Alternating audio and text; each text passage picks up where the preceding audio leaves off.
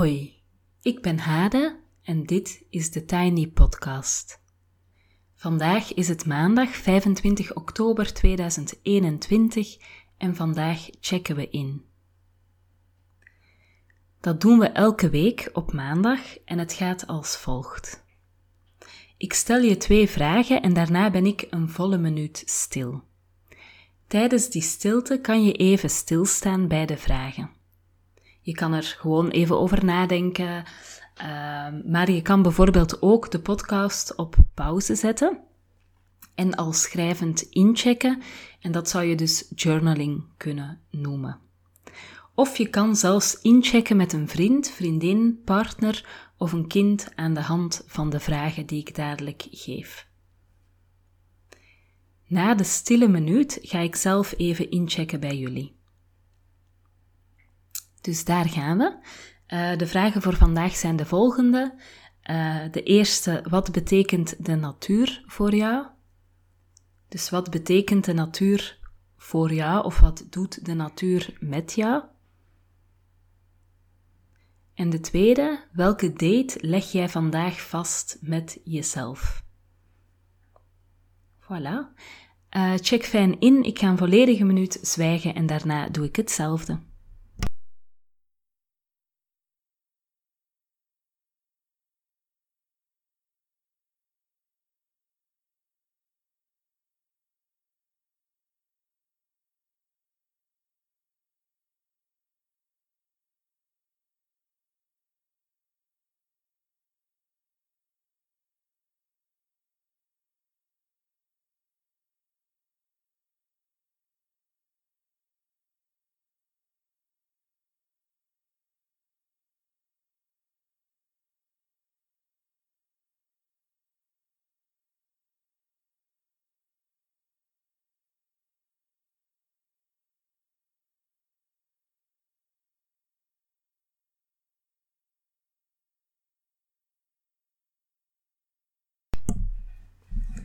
Zo, over de natuur.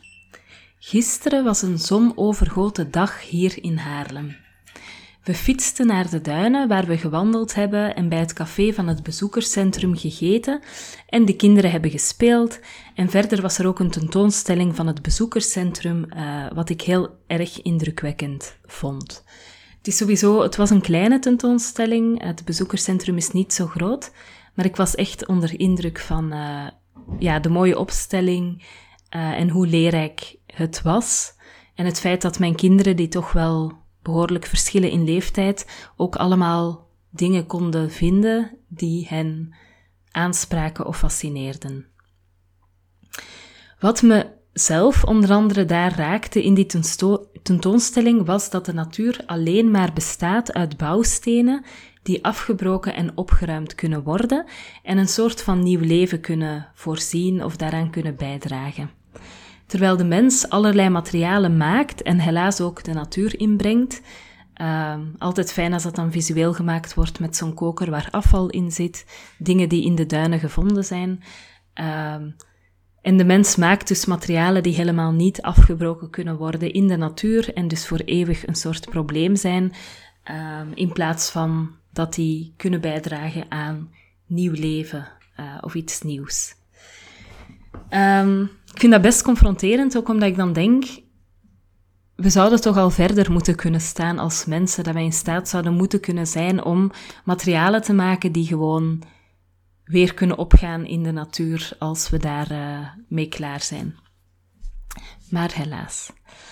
Uh, daarnaast was er ook een filmpje om in het thema te blijven van hoe een kadaver, ik denk een hert, uh, in de natuur volledig verorberd werd door allerlei dieren die daar dan op afkwamen. Dus je zag allemaal vogels komen aanvliegen die dan een hapje namen en een vos die uh, zich te goed deed. Het was zo gefilmd met zo'n infraroodcamera, denk ik dat dat dan heet, zodat je eigenlijk in het donker kan zien wat er gebeurt. En die ogen van zo'n vos zijn dan altijd super eng. Die geven dan licht. Um, maar ja, je zag dan eigenlijk dat zo'n dood dier in de natuur op heel korte tijd volledig wordt uh, opgevreten. En de titel was, als ik het me goed herinner, uh, dat dood doet leven. Zoiets, dood doet leven. Ehm, en ook dat stemt voor mij tot nadenken. Ehm, ook op een wat meer symbolisch vlak dan dit hele concrete, um, hele concrete en ook wel wat gruwelijke uh, opruimen gedoe, waarbij een dooddier dan voeding is voor andere dieren.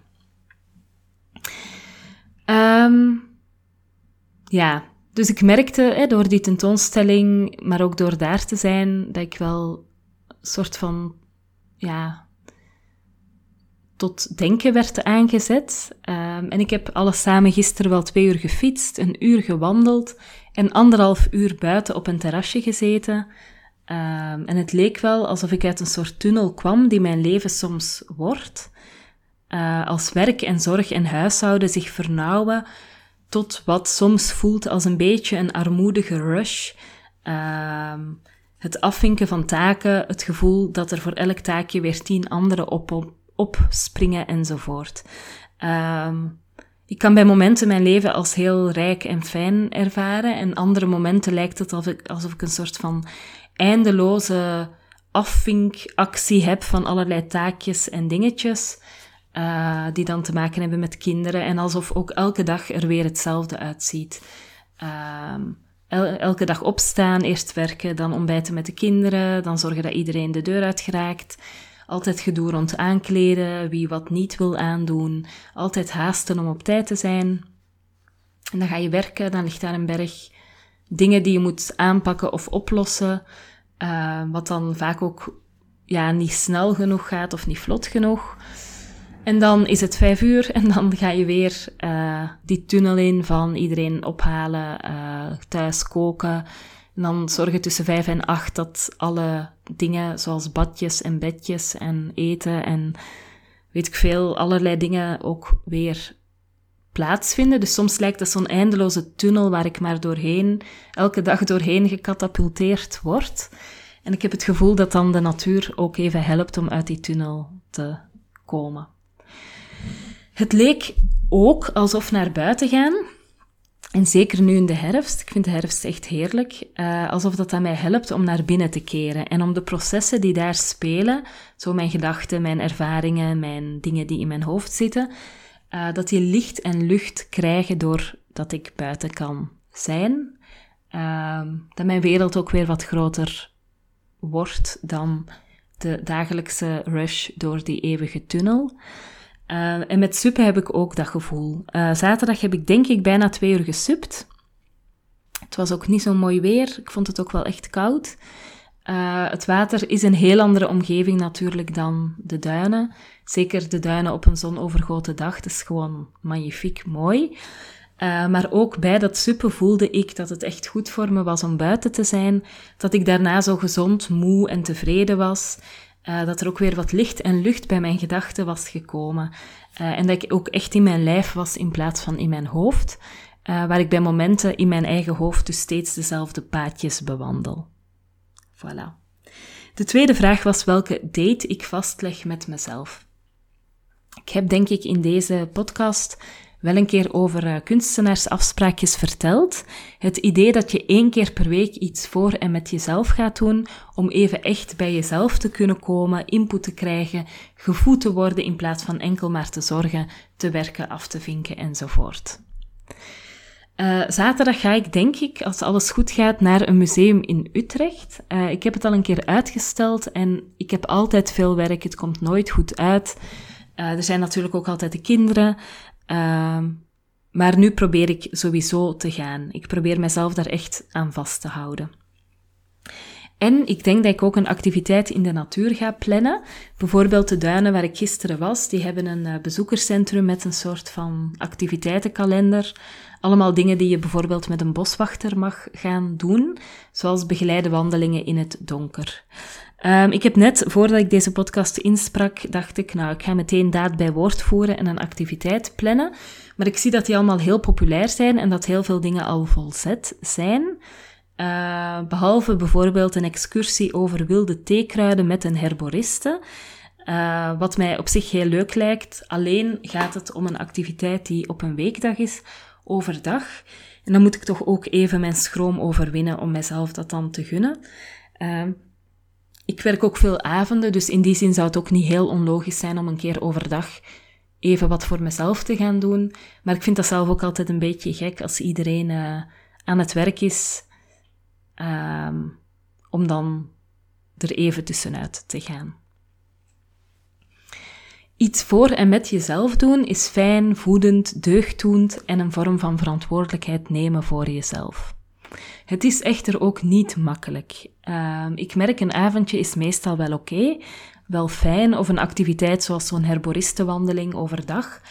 Uh, maar ik heb ook al wel ervaren dat een langere tijd, en dan heb ik het bijvoorbeeld over twee dagen, alleen zijn, alleen weg zijn, even die red race stilleggen, uh, in mijn geval, dat dat ook best confronterend kan zijn. Alsof alle gevoelens en gedachten die je normaal vlot aan de kant schuift omdat je er geen tijd voor hebt, zich dan plots heel nadrukkelijk willen komen melden en manifesteren.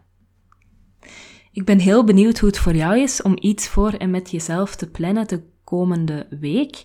Hoeft geen uitje te zijn, je kan ook gewoon thuis iets voor jezelf doen. Uh, dus in die zin, het hoeft ook geen geld te kosten. Um, nou ja, je kan dat echt helemaal invullen zoals het bij jou en jouw leven past. Uh, maar het lijkt me ook wel leuk om even te mogen meekijken wat jij dan gaat doen. En je mag altijd, vind ik fijn, een, uh, bijvoorbeeld een foto, foto plaatsen op social media, media en mij taggen, uh, bijvoorbeeld at The Tiny Podcast. Voilà. Uh, tot daar uh, voor vandaag. Ik heb altijd een aantal mededelingen. Um, de eerste, in de Facebookgroep Eigen Tijd, leren voor jezelf zijn. Daar kan je gewoon lid van worden. Dat is een open groep.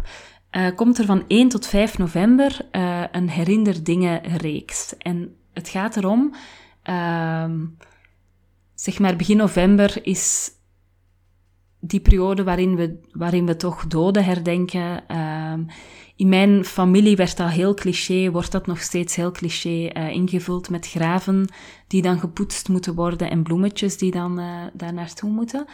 Uh, en we willen eigenlijk, wil ik dat graag opentrekken. Ik denk dat eigen tijd ook gaat over tijd maken wat, voor wat voor jou belangrijk is en betekenisvol. Ehm, en herinneren Um, uh, herinner dingen, herinnerachtige dingen met mensen die jou dierbaar zijn geweest. Denk ik dat daar eigenlijk gewoon heel goed bij passen om daar ook een keer bewust tijd voor te maken. En uh, van 1 tot 5 november komt er in de uh, Facebookgroep elke dag daar een, een soort van uitnodiging rond. Um, we willen kerst in die groep graag. Dat is ook een van mijn targets, als ik eerlijk ben, uh, voor mijn FEMA-werk. Uh, we willen kerst in die groep graag met 2000 leden uh, vieren. Dus ik nodig je van harte uit om mij even te helpen daarmee. en niet alleen zelf lid te worden, maar ook twee of drie andere mensen uit te nodigen, of vier of vijf. Waarvan je denkt dat die het ook wel fijn vinden om in zo'n groep te zitten, waar ze regelmatig herinnerd wordt, worden aan eigen tijd en het belang daarvan.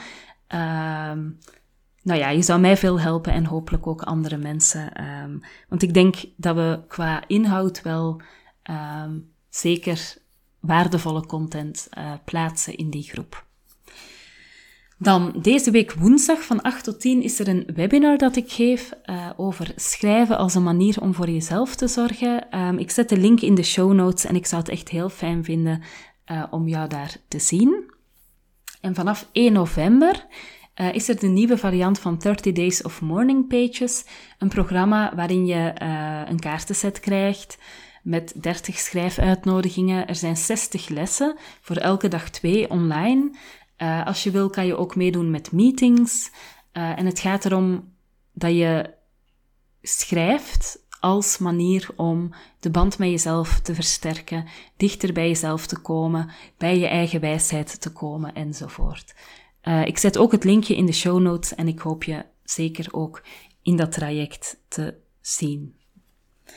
Tot zover voor vandaag. Uh, je kan me volgen op Instagram, TheTinyPodcast en hade wouters. Als je je abonneert uh, via bijvoorbeeld Google of Apple Podcast in Spotify of in je favoriete podcast app, dan krijg je telkens de nieuwste aflevering in je overzicht. Als je de podcast doorstuurt naar iemand die er ook graag naar luistert of hem deelt op social media, dan help je me om de podcast te laten groeien. En voor nu wens ik je een heel fijne dag en heel veel goeds en heel graag tot gauw.